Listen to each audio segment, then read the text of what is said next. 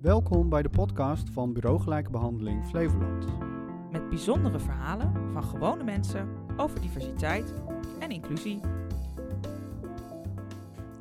Welkom bij de podcast Ook Mijn Flevoland. Het is eh, de derde aflevering en we gaan het hebben over eh, opvoeding en opgroeien in een gezin eh, met een biculturele achtergrond. Een biculturele achtergrond, wat moet u daarbij bij voorstellen? Nou, dat is als je naast je- een Nederlandse achtergrond minimaal ook nog een andere eh, culturele achtergrond hebben, hebt. En eh, we gaan vandaag in gesprek met eh, Fatima.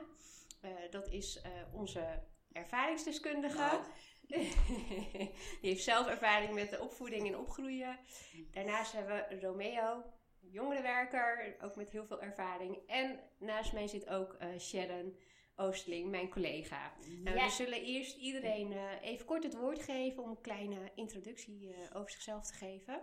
Wil ik als eerste Fatima het woord geven. Nou, mijn naam is Fatima Gabay en ik woon nu in Emmeloord, maar ik kom oorspronkelijk uit Somalië. En ja, ik heb een zoontje hier, dus ja. Mijn naam is Romeo Lobo. Ik ben eh, van Migranten Komaf. Ik ben eh, hier geboren. En eh, jongerenwerker, eh, even kijken, 14 jaar al in, Almere. Dus ja, ik ben benieuwd en nieuwsgierig naar de definitie bicultureel. Wat is dat? Nou, dat je met twee, volgens mij, als ik fout heb, moeten jullie maar corrigeren. Maar als je in de twee verschillende culturen mee opgroeit. Dus voor mij is het dan Somalisch en Nederlands. Ja, en soms is het ook hè, dat eh, beide ouders ook nog een andere cultuur hebben. Eh, hè, en dan groei je ook nog op in Nederland. Ja. Eh, want je krijgt ook natuurlijk de Nederlandse cultuur mee. Klopt, net als onze koning en koningin. Maxima en Alexander. En precies daarom vraag ik, wat is bicultureel? Want hoe voel je je als bicultureel? Of als je hier niet geboren bent, of misschien hier wel geboren bent, waar voel, eh, ja, waar voel je, van, je vanuit je roots het meeste thuis? Ja. Ja. Nou, dat is gelijk een hele lastige vraag. ja. ja, nee, daar heb ik zelf ook ervaring mee. Ja. Eh, want het is natuurlijk, ja, eh, ben je nou Nederlands? Eh, Mhm. Ben je nou, hè, ehm, nou ja, in mijn geval Spaans? Ja, Eh, hoe zien mensen jou? Want dat is Ja. natuurlijk ook weer een heel ander verhaal. Eh, en hoe voel je jezelf? Nou, voor mij, als ik eh, eerlijk moet zijn, ik denk altijd in Somalisch. Dus ik heb altijd mijn roots gehouden. Ehm, en ik voel Somalisch. Maakt niet uit hoe lang ik hier woon, maar ik voel nog steeds Somalisch. En eerlijk is eerlijk, mensen als ze mij zien, ze zien niet mij als Nederlands. Dus van het moment dat ik hier ben gekomen, heb ik al gezien, ik ben niet als deze mensen, maar ik kan wel overweg. Dus ja, ook tijdens, ik ben een tolk, dus als ik aan het tolken ben, wordt het altijd gevraagd, eh, do you speak Dutch? Eh, do- En dan zeg ik, nee, ik ben een tolk, terwijl ik een, een pasje aan heb. En nog steeds zien ze dat niet, dus ja. Van, ben je Nederlands weer of ben je... Ja, nee, en ik denk ook, zeg maar, want ook al, hè, je geeft aan van, eh, nou, ik voel me Somalisch. Mm. En eigenlijk, hè, ik, ik, nou ja, ik heb, draag die cultuur bij me. Maar toch denk ik ook, en misschien kun je dat, daar ook wat op zeggen, van, Mm. ook zal de Nederlandse cultuur wel een eh, invloed hebben Op maar mij. op je dagelijks leven. Of valt dat mee? Eerlijk is eerlijk, ik ben opgegroeid in een familie. Ehm, tijd is tijd. zeg eerlijk. eh, Dat gewoon wat Nederlands voorkomt. Ja. En dat heb, dat heb ik dus, ja, ik, ik weet niet beter. En toen ik hier kwam, heel veel mensen zeiden, ja, je bent verwesterd. Maar toen ik in Afrika was, want Somalië ligt in Afrika, had ik dit. En mijn opa was ook zo'n strikt persoon. Dus ik weet het niet beter, laat ik zo zeggen. Oké, nou, interessant. En heeft u kinderen? Ja, ik heb er één. Eén kind? Ja. Oké. En kunt u vertellen hoe het aan thuis toe gaat als het gaat met de opvoeding? Hè? Als we het daarover hebben, de opvoeding van uw kind. Eh draagt zij meer de normen en waarden en de tradities van de Nederlandse cultuur of juist van de Somalische cultuur? Ehm, mijn man en ik, eigenlijk, hebben we hem op zijn Nederlands en ook Somalisch opgevoed. En wij praten ook thuis gewoon Nederlands. Maar we praten ook Somalisch. Dus hij pikt die twee talen. En ja, voor de rest, hij is nog zeven. Dus dat is, eh, ja, als hij misschien ouder wordt, dan kan ik duidelijk zien. En hij weet dat hij uit Somalië komt, dat wel. Maar dat hij hier geboren is, dat weet hij ook wel. En wij vertellen alles. Ehm, van je bent hier geboren, maar je roots komen uit Somalië. En hij praat ook beide talen. Dus ja, we hebben beide culturen laten opvoeden. Mooi. En kunt u wat vertellen over de Somalische cultuur? Hè? En in hoeverre dat verschilt van het Nederlandse cultuur? En hoe u dat merkt ook bij uw kind? Nou, onze cultuur is meer wijcultuur. Oké. En dus je familie is ja, je beest, zeg maar. Eh, vrienden, alles is belangrijk voor jou. Eh, de mening van anderen is ook belangrijk, laat ik zo zeggen. Maar het is een hele rijke, mooie cultuur. Vriendelijk, open en uitnodigend. Dus dat eigenlijk. En wij zijn oorsprong nomaden. En daarom zie je ook zo heel veel Somaliërs van land tot land verhuizen. Uh, misschien heeft dat mee te maken, dat weet ik niet. Maar voor de rest zijn echt hele vriendelijke, uitnodigende mensen. Um, en zij kunnen ook heel makkelijk ergens aanpassen. Dus ja, zo is dat eigenlijk kort gezegd in de Somalische cultuur. Romeo, kan jij misschien wat vertellen over, uh, over het werk met de jongeren? Ik ben jongerenwerker al 14 jaar. En uh, mijn voorgeschiedenis is dat ik ruimdenkend ben. En uh, de hele wereld heb gezien. Voordat ik jongerenwerker was, zat ik bij de marine. En ik heb het mogen ervaren hoe het is in Senegal. Ik heb het mogen ervaren hoe het in Dubai is. Ook andere landen. En dat heeft mij een ruimtelijk inzicht gegeven in hoe sta ik in het leven. Dus nu als jongerenwerker heb ik een hele gekleurde bril. En uh, eigenlijk het allerbelangrijkste, niet, uh, uh, geen vooroordelen hebben. Dus eerst gewoon netjes komen. Dus als ik bij gezinnen thuis kom, trek ik mijn schoenen uit.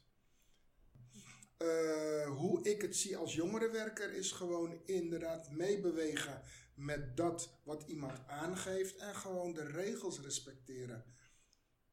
En, en daarin hoop ik ook gerespecteerd te worden. En dan denk ik dat dat de voedingsbodem is voor onze maatschappij. Is dat de antwoord op een vraag? Heel breed? ja. En um, ja, om nog even door te gaan dan, hè, want je ja. vroeg net ook van, hè, of je begon over de identiteit, hè, en wat voel je, Nederlands, of ja. hè, uh, kom je die struggle, ook vaak tegen bij jongeren? Je komt die struggle ontzettend tegen bij jongeren. En dat is ook misschien een, een mooi onderwerp om te bespreken. Dat je als jongerenwerker niet veroordeelt, maar luistert. En wat ik ontzettend gezien heb binnen uh, mijn werk hier in Almere, is jongeren, um, en ik heb altijd gezegd, er is maar één methodiek. En dat is de pollepel methodiek van mijn moeder. We hebben een oud gezegde: It takes a whole village to raise one child. Dat betekent de hele omgeving is aanwezig om één kind op te voeden. Mijn moeder was zo streng en rechtvaardig dat de buurvrouw, als hij kwam klagen, eigenlijk wat zij aangaf gelijk als waar had aangenomen. Dus dat betekent, ik moet mij gedragen op straat. Um, wat ik daarmee wil zeggen is dat de hele omgeving ondersteunt in het vormen van jongeren, om het zo maar te zeggen. Dus het is heel belangrijk om daarin jezelf te kunnen zijn. En wat ik inderdaad merkte bij jongeren, is dat zij uh, thuis een bepaalde gedragsnorm hadden. En als ze eenmaal op straat waren, sommigen waren er heel gevoelig voor, zich anders gingen gedragen. Um, als jij niet goed uh, uh, in, je, in je schoenen staat, ben je heel snel beïnvloedbaar. Uh, dat kan negatief zijn, maar dat kan ook positief zijn. En in het negatieve is wat wij voornamelijk zien, dat jongeren die eigenlijk al op een dusdanige manier op een kritieke punt staan, op een gegeven moment verder afglijden in een situatie waar ze zelf niet achter staan, maar ook hun ouders niet. En daar hebben wij als maatschappij eigenlijk een bepaalde taak, functie in. Ja, en het is moeilijk. Want vooral deze jongeren leven echt in twee werelden. En eh, daarin ook eh, ja, een stukje consequent en rechtvaardig. Maar wat is rechtvaardig? Ja. Ja, het lijkt me ook wel lastig, zeg maar, als jongere, dat, dat je hè, gelijk ook die stempel opkrijgt van, eh, nou jij bent, hè, Ja, jij hoort bij die, terwijl je eigenlijk misschien heel, zelf heel wat anders voelt. ja. En het is iets misschien van de laatste tijd dat men eigenlijk zich beter verwoordt, maar ook afzet. Zo zie je ook heel veel islamitische eh, vrouwen, meisjes, die zeggen: Ik ben nog steeds islamitisch, maar ik draag mijn hoofddoek niet omdat, en dat is hun reden, en daardoor zijn ze niet minder islamitisch. En, en iemand die wel een hoofddoek draagt, beleeft het op een andere manier. Maar je moet voor alle twee daarvoor respect kunnen hebben. Want het geloof eh, is niet af te wijken vanuit een klederdracht, hoofddoek of wat dan ook, maar weer wat van binnenuit geldt. En dat is het leuke wat ik als werk heb, dat wij hier dichtbij. ehm, ik ben onderdeel geweest van het Ramadan voetbaltoernooi. Waar we laagdrempelig met jongens in gesprek konden gaan, maar vooral kunnen sporten. En het mooie ervan op het einde is dat wij de imam konden uitnodigen om zeg maar de, de geloofslevenslessen nog eens voorbij te laten komen. En daarin zag ik letterlijk jongeren aandachtig luisteren die zich op straat heel anders gedroegen. En dan heb ik ook het woord kafirbile, dat is ongeloof, ongelovige geloof ik hè? Ja. Dus dan kon ik tegen die jongen zeggen, jij bent gewoon een kafirbile, want ik zie je hier gedragen en daar gedraag je je anders. Wat is gebeurd met je? En we maken wel grapjes, maar dat is wel wat jongeren nodig hebben. Ze, ze, ze gaan steeds een grens over. En soms moet je ook een grens over kunnen gaan. Maar je moet ook beseffen, als je een grens overgaat, heeft dat consequenties. Dat heeft gevolgen. Ja. Maar vooral het stukje geloof. Het is best lastig. Als ik eh, terugkijk, ik ken de geschiedenis helemaal goed. Maar we zijn al eeuwen met elkaar aan het vechten over geloof en religie. Mijn, mijn geloof is beter dan de jouwe. En als jij niet dat gelooft, huppakee, dan hoor je er niet bij. Weet je wel? En wie heeft dat bepaald? En ik be- benader het op mijn manier. Als je een maaltijd hebt, dan heb je meerdere gerechten op een bord. Dus ik meen ook, als jij meerdere gerechten op een bord hebt en je behandelt ze goed, dan heb je een culinaire hoogstand. En zo is het ook met je geloof. Als je islamitisch bent en je komt in Nederland, dan is het ook dat je enigszins moet aanpassen. Maar dat betekent niet dat je het niet meer kan naleven. Alleen woon je in een islamitisch land, dan kan je het beter naleven, om het zo maar te zeggen. Wel? Dus dan word je minder afgeleid. Eh, iedereen is bijna hetzelfde. Eh, weet je, dan is het anders. Als je nu naar de grote bedrijven kijkt, inmiddels zijn er al een aantal bedrijven die het aangepast hebben, die hebben voor hun islamitische medewerkers een aparte gebedsruimte. Weet je, is een vorm van respect, maar ook een stukje erkenning. Dat deze mensen onderdeel uitmaken van je bedrijf en dat zij een, een, een, een manier hebben hoe zij door het leven gaan. En dat je daar ook inderdaad naar kijkt en, en, en in meegeeft. En misschien niet eens naar de uren kijkt van hé, hey, eh, je bidt eh, vijf keer per dag. Ja. Ja, vijf keer per dag betekent als je een Nederlands persoon hebt die naast jou staat. Jij werkt misschien minder uren, dus er moet misschien nog een belastingaftrek, weet ik veel wat het allemaal is. Snap, eh, laten we het gek noemen, want hij maakt minder uren op een dag dan een. Hè? Ja, maar met het gebed, ik denk één of twee gebed, dat dat eh, voorkomt tijdens de werkuur. Ehm, maar dan kun je wel, tenminste wat ik altijd deed, is eh, om mijn pauzes gaan bidden. Ja. Dus dat kan. En je kan bidden op jouw manier, want ik heb ook geleerd van mensen, die zeggen, als je even niet kan bidden zoals het hoort, je zit op een stoel, je neemt even het gebed met jouw schepper, moet voldoende zijn. Ja. En als je dan compenseert en je komt ergens thuis of wat dan ook, en je gaat hem dan opnieuw oppakken, weet je wel, maar we zijn zo ontzettend aan het stempelen en afkaderen. En daar denk ik dat we een beetje vanaf moeten.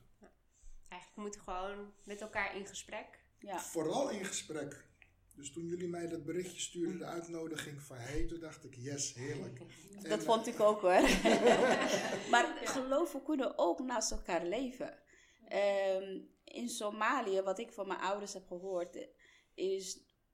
Wij hadden buren uit Rusland en Italië.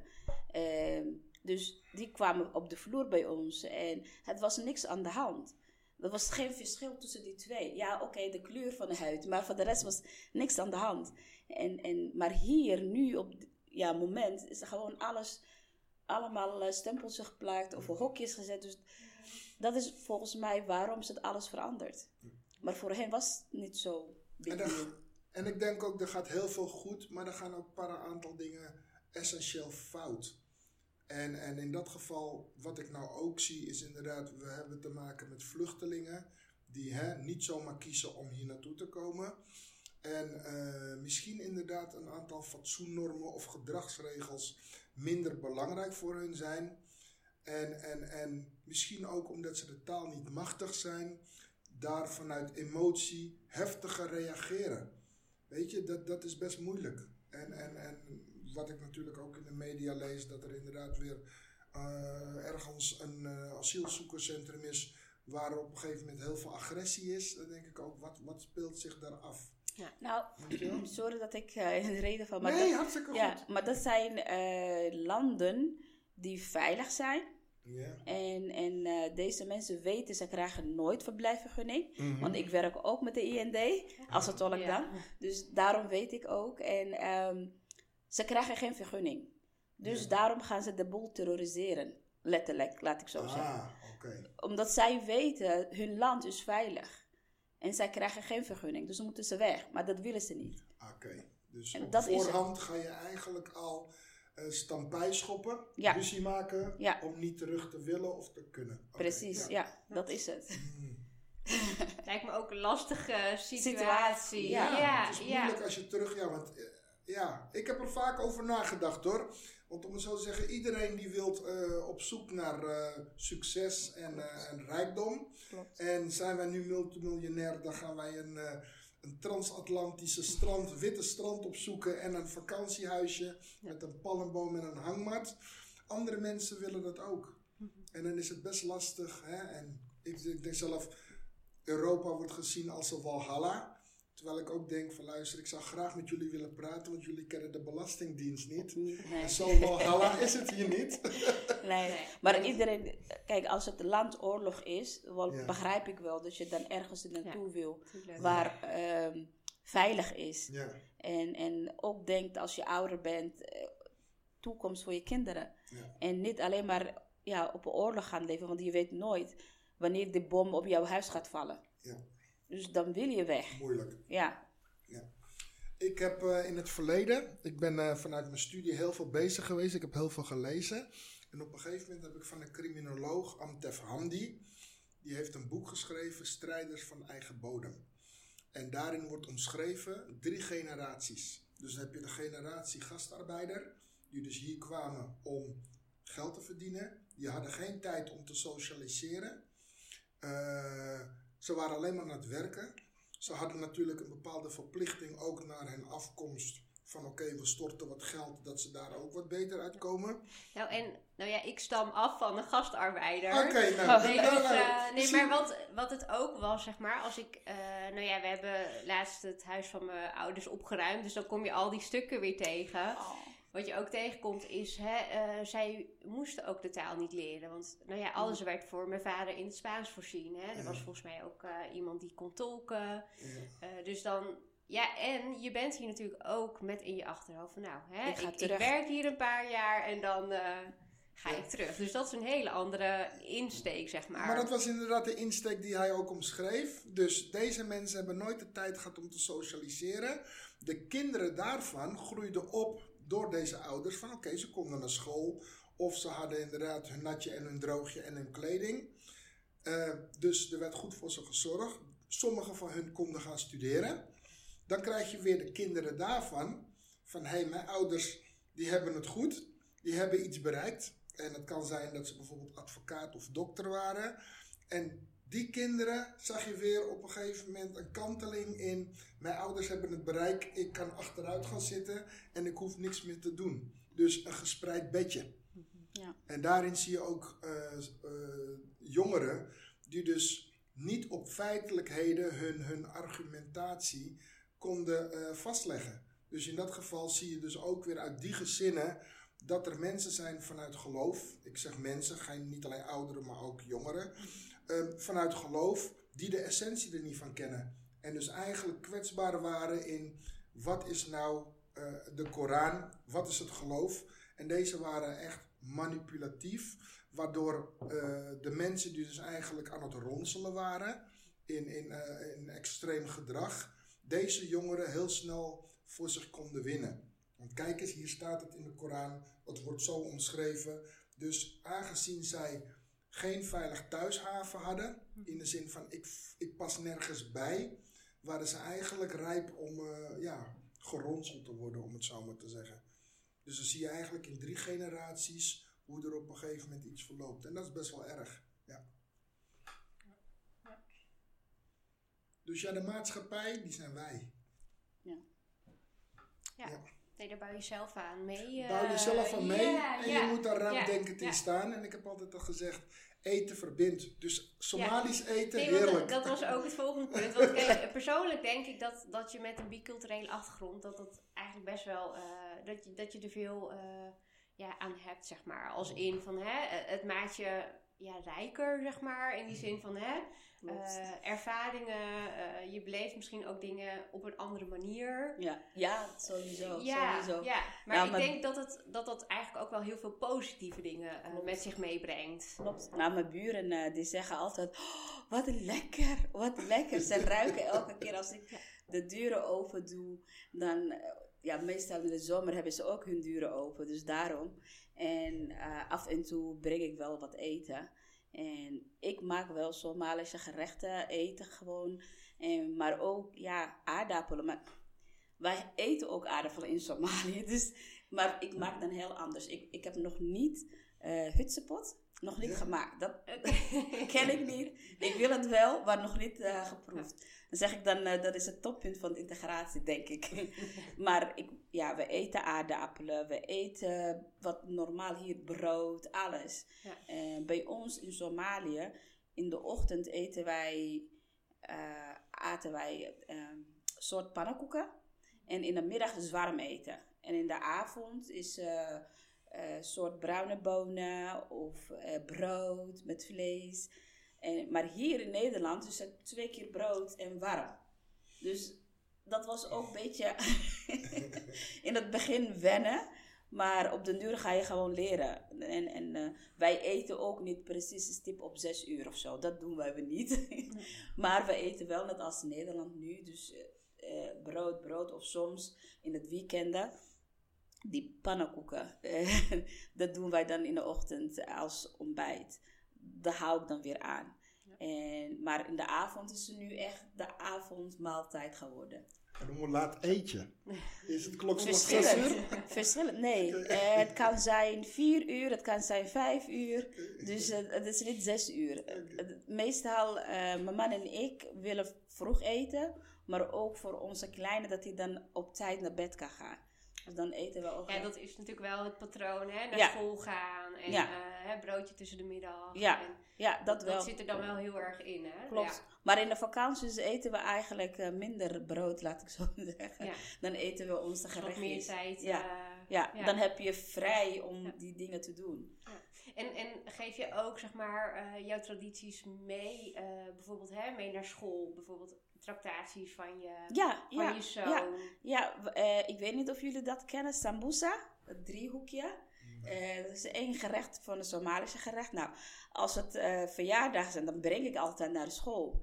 En ja, het is een deeg en dan wordt ingevuld met gehakt en groenten, kruiden. Dus Lekker, ja. het is heel lekker, maar heel veel werk.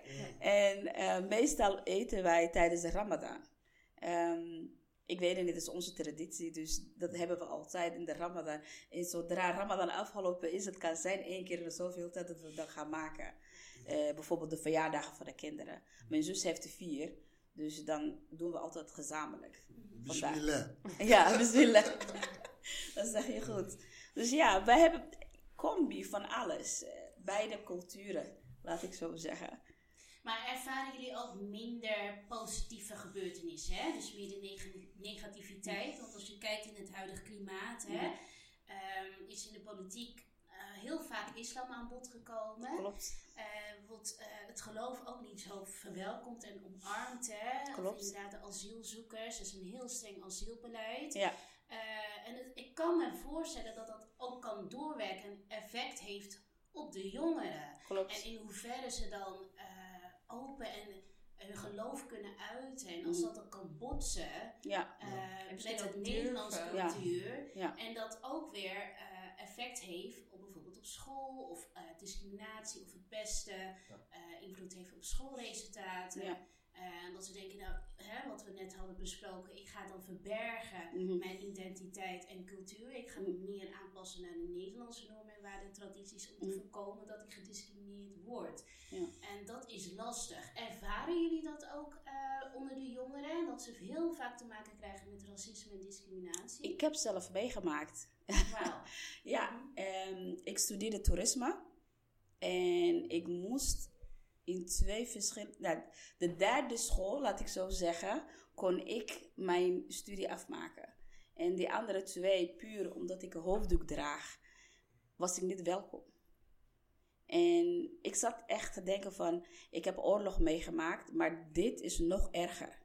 Je moet continu bewijzen van, dit hoofddoek is voor mijn geloof. Je moet mijn kwaliteiten kijken. Eh, sollicitaties waren voor mij echt drama. Door de telefoon klink ik Nederlands. Dan zien ze mij in broekpak. Geen jurk, geen rok, maar echt in broekpak. En een hoofddoek. Het enige wat ze doen is het staren naar mijn hoofddoek. Of ik een diamant heb of zo. Ik weet het niet. maar dat was het voor mij echt heel erg. Dat ik denk van je moet niet iemand eh, afwijzen puur omdat het hoofddoek eh, draagt. Maar je moet kijken naar iemand kwaliteiten. En mijn nicht heeft er ook meegemaakt. Toen zij op de of basisschool zat, heeft ze ook meegemaakt met eh, discriminatie. Dat, maar dat was niet vanuit de school, maar meer van de kinderen. Ehm, en ik heb zoiets van zo'n kleine kind, toen zat zij volgens mij groep 4, kan niet zulke dingen zeggen. Het moet vanuit thuis komen. Zij waren beste vrienden, ze gingen met elkaar spelen. En op een gegeven moment, hij kwam naar haar toe en hij zei, eh, sorry, maar eh, ik mag niet met jou spelen. Omdat jij anders bent en hoofddoek draagt. Dus een kind kan nooit zoiets denken. Dat moet van thuis komen. En ehm, ja, nu zie ik wel hoe moeilijk zij vindt. Zij draagt wel hoofddoek. En haar zusje ook. Maar je ziet, het wordt heel anders behandeld. Ehm, mijn nichtje moest blijven zitten voor zonder reden.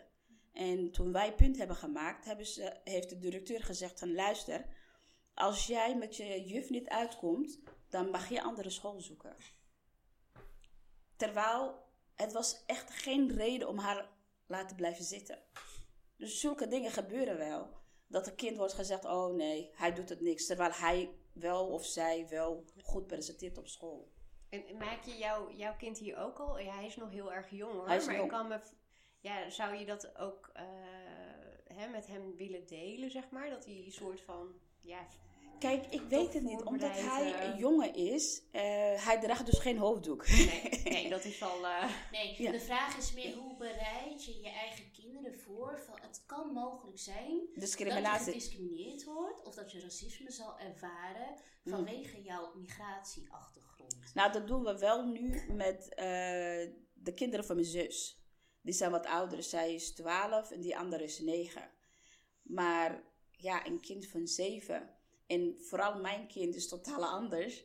Want daar is hij helemaal niet eens bezig. Dat begrijpt hij nog niet. Ehm, dan heb ik zoiets van, laat eventjes groeien. Dat hij dingen begrijpt, meer, zeg maar. En dan kan ik inspelen. Maar nu de kinderen van mijn zus, die twee oudste, die begrijpen wel. Die weten ook wel. En wij vertellen ook vanuit onszelf wat we hebben meegemaakt. En zij begrijpen ook. En zij zijn ook aan het voorbereiden van ja, wanneer ja, krijgen we dit? Maar ja, mijn nichtje, de oudste, die heeft wel meegemaakt. En dat vond ze vreselijk. Helaas, ja, het is een heel gevoelig en moeilijk onderwerp.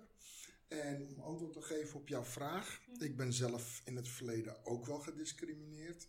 Ik zal geheid nog steeds gediscrimineerd worden. Maar ik heb wel geleerd van laat het je niet zo beïnvloeden. Ja. En we weten, we zijn gekleurd, we zijn we hebben een andere kom af. Ga niet bij de pakken neerzitten. En probeer om te denken. En, en ik heb altijd al geleerd, zet je dubbel in. Zet je dubbel in. En eh, wat ik wel zie, is dat er ook heel veel misbruik gemaakt wordt van degene die zelf een, een, een niet-westerse komaf hebben. Weet je, dat ze schuilen voorheen, heel makkelijk. Iemand wordt aangesproken op de gedragingen en gelijk wordt er geroepen, ja, jij discrimineert mij. Weet je wel, ik ga, weet je, dat soort dingen, daar moet je ook mee oppassen. Ja. Maar wat wel vervelend is, is zij die echt gediscrimineerd worden. En net als dat jullie bureau gelijke behandelingen hebben, want ook dat heb ik in het werk meegemaakt. Eh, vanuit JVSA, Jongerenveilig Stadstad Almere, eh, ben ik onderdeel vanuit de horeca eh, uitgaan. Eh, we hebben ROSA-regels op stap in Almere. En wat ik vooral met jongeren toen merkte, is als jij geweigerd wordt bij de deur omdat je uit wil gaan. En de horecagelegenheid heeft een bepaalde regel van hey, je mag niet op teenslippers binnenkomen of je mag niet op gimpies binnenkomen of je hebt een petje op en die moet af. Eh, je kan niet naar binnen komen door wat voor reden dan ook. Of je, of je voelt dat je gediscrimineerd wordt. Kan je beroep doen op bureaugelijke behandelingen. Het etnisch profileren gebeurt wel degelijk. We hebben eh, in de politiek eh, genoeg voorbeelden waar mensen ehm, een beetje knullig uit hun woorden komen door wat ze willen zeggen, maar daarin mensen ontzettend kwetsen. Net als als we teruggaan naar eh, eh, Zwarte Piet, ik kan er niks meer om geven. Waarom? Oh, ik ben ook onderdeel geweest van het hele Zwarte Piet eh, feest, noem maar op. Maar op een gegeven moment kom je tot een besef, conclusie van hé, hey, mensen hebben er last van. Ik heb ook cadeautjes gehad. Ik geloofde ook in Zwarte Piet. Maar op een gegeven moment zie je een kantelpunt ontstaan. En dan denk je, wil ik hier onderdeel van zijn? Maar ik wil ook niet in die Zwarte Pieten discussie eh, verstrikt raken. Dus ik zeg ook, oké, eh, ik ga er niet in mee. Maar ik voel me daarin niet gekwetst. Maar ik kan wel begrijpen dat mensen zich gekwetst voelen. Ja. Maar aan de andere kant vind ik ook, de kinderen moeten niet bezig zijn van dat je wordt Juist. gediscrimineerd. Laat gewoon hun gang gaan. En als ze iets tegenkomen, dan ja, moet je altijd zeggen van als er iets is, kom naar mij. Vertel aan mij. Dus het vertrouwen naar ouders moet groot zijn. En Maar het gaat om rolmodels. En Ja. het mooie ervan is, is eh, burgemeester eh, eh, Weerwind en toen de tijd eh, Jersey Soeterkou, de wethouder. Ehm, ik was bij een bijeenkomst en toevallig zijn het hè, van migranten kom af. En ze hadden een heel mooi voorbeeld. En er is een onderzoek geweest, ik weet niet meer precies wie die meneer is geweest, maar kinderen werden geïnterviewd. En het was dus een zwarte pop en Ja. het was een witte pop. En die kinderen werd de vraag gesteld: welke pop is succesvoller? Dus op een gegeven moment werd er aangewezen: dat is de witte pop. ja, Maar nu waren het ook een aantal eh, migrantenkinderen. En wat eh, volgens mij Jersey Soeterkou aangaf, hij had zijn kind ook gevraagd. En op een gegeven moment zei kind, wie is het meest succesvolle? En zijn kind heeft gezegd, die donkere pop. En toen zei hij, vroeg hij van waarom? Nou, jij bent wethouder en, en, en jouw collega's burgemeester zijn alle twee donker. Dus ja. het is een associatie en een koppeling naar. Dus, dus ja, hoe ga je met kinderen om? En kinderen zien daar geen kleuren in. Nee, Weet je, het zijn de, de, de volwassenen die misschien uit angst, onbekend maakt, onbemind, eh, zeg maar al vooroordelen hebben. Maar van alle kanten uit. Hè? Dus, dus eh, om het zo te zeggen, in onze migranten kom af wordt er wel degelijk gediscrimineerd. Ook onderling naar elkaar toe. Dus eh, ja, wij zullen echt eh, eh, goed iets moeten realiseren om deze ziektekiem, als ik het zo mag zeggen, echt te moeten isoleren. Ja. Maar je kan niet een kind voorbereiden voor Nee, zulke dingen. nee, dat nee. is gewoon moeilijk. Tot ze meemaken, dan kunnen ze dan erover praten en Ja. naar je toe komen. Maar het is wel moeilijk om eh, Ja. te voorbereiden. Je kan ze niet- wel vertellen over je eigen ervaringen natuurlijk, maar Ja. hè, totdat hij het niet zelf meemaakt. Ja, maar ik ben iemand die altijd erover praat en, en eh, gewoon de waarheid zegt. Mhm. Eh, ik had ooit een keer gehad in Jouren. Bij de ANWB moest ik gaan solliciteren. En die vrouw, door de telefoon, had ze me aangenomen. Maar toen zag ze vrouw met een hoofddoek. en die lach in haar gezicht was gewoon weg. En eh, ze heeft echt letterlijk alles gedaan om mij af te wijzen. Maar toen heb ik de waarheid verteld. Ik zei, ik wist dat je mij niet zou aannemen. Puur omdat ik hoofddoek draag. Nee, maar dat is niet zo. En ik zei, geef niet. Komt goed. Doei. Maar dat is ook weer een stukje compliment. Hè? Want je hoort er, terwijl je weet er geen beeld van te maken. Maar aan de andere kant, je onderbuikgevoel hè, zegt het al. Als je Mohammed heet, weet je al wat voor sollicitatieprocedure je kan ondergaan. Mhm. En als je Jan-Pieter heet, sorry voor deze namen, wat er dan gebeurt. Ja, bij mij, sorry, eh, bij mij weten ze niet. Fatima Gabai, wat is dat, weet je wel? En je hebt ook Fatima, de bekende Fatima van Hoekster. Ja, Dus- ja, ja. Die Fatima komt vaker voor. En Gabai, dat eh, komen ze niet plaatsen. Ja. Ja. Ik heb ook zelfs echt nu, eh, dat ik getrouwd ben, mijn eh, meisjesnaam gehouden. Want Gabai weten ze niet wat het is. En dat is makkelijker voor mij. ja. Maar ik kan me ook wel voorstellen hè, dat dat enigszins wel frustratie oplevert hè, Klopt. onder de jongeren. Om telkens weer Nee. afgewezen te worden vanwege hun cultuur, eh, Mhm. religieuiting of eh, hè, dat ze bicultureel zijn. Eh, en dat maakt het lastig. Hè? Dat er ook gekeken kan worden naar achternaam. En ergens worden ook wel weer kansen ontnomen. En zo Ja. zie je ook weer hè, kansenongelijkheid bijvoorbeeld in Ja. het onderwijs.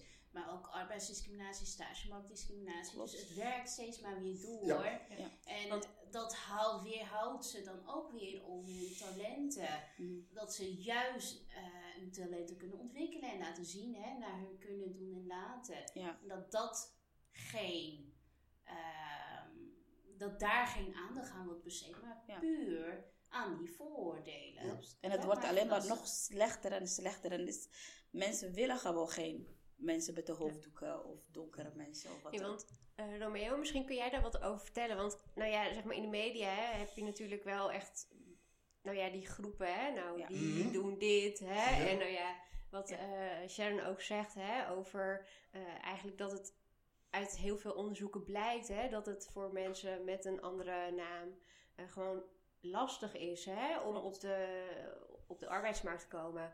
Eh, en wat voor impact heeft dit op de jongeren? Hè? Hebben ze dan dat zal ook heel verschillend zijn, maar is het dan zo van ja, hè, nou ja, ik maak toch geen kans.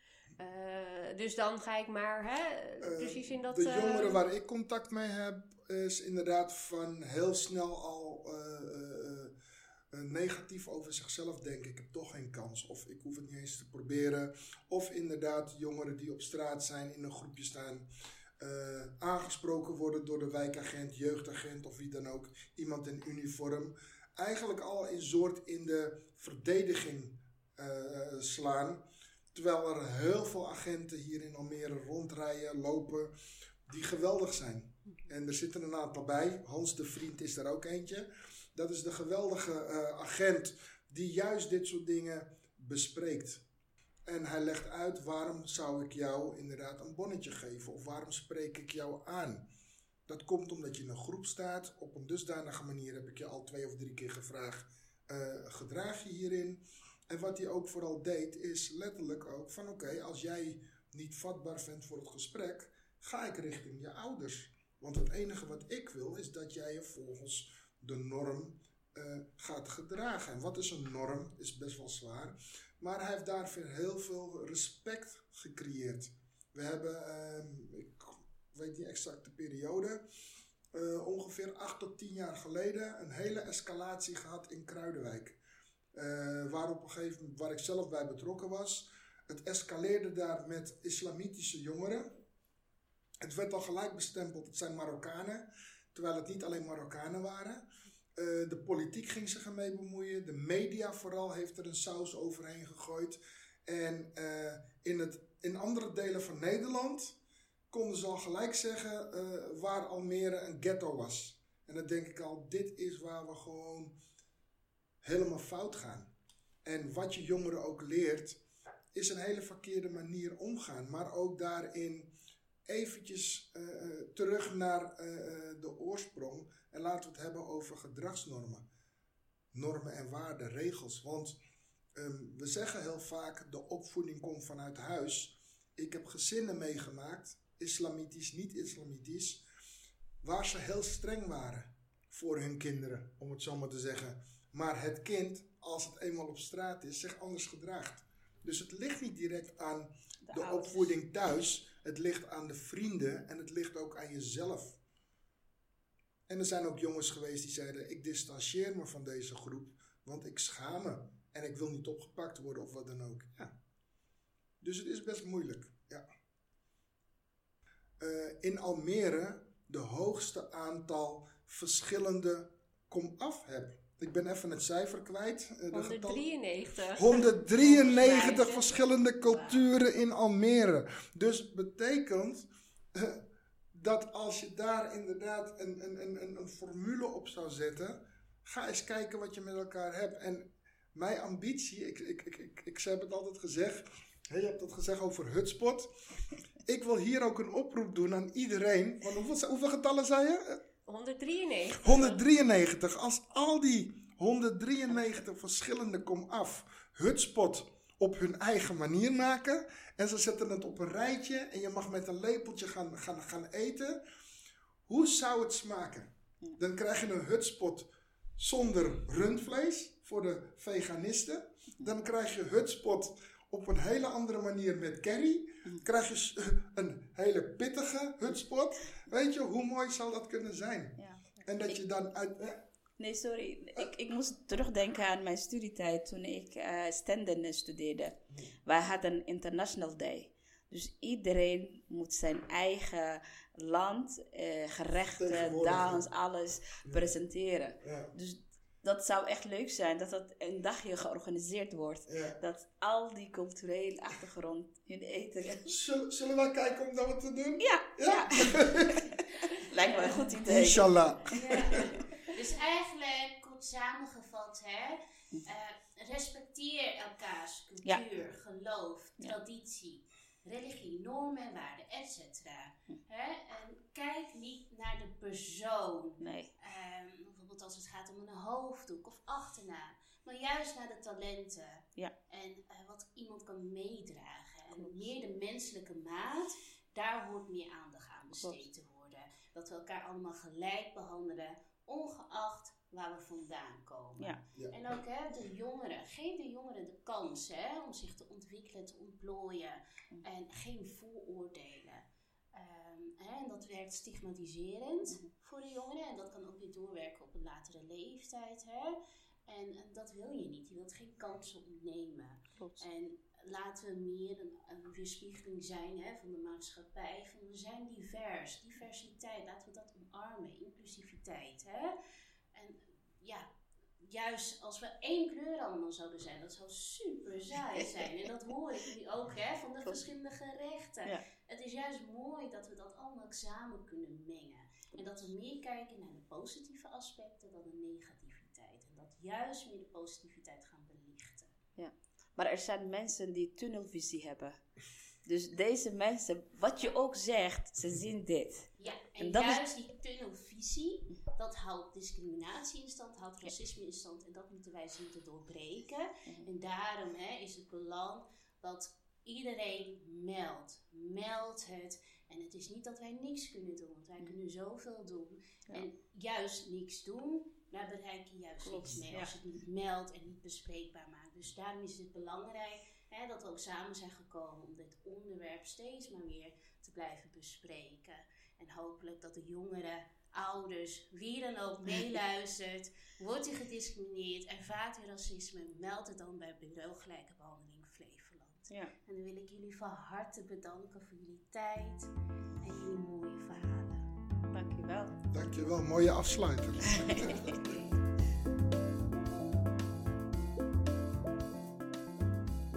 Dit was de podcast van Bureau Gelijkbehandeling Flevoland.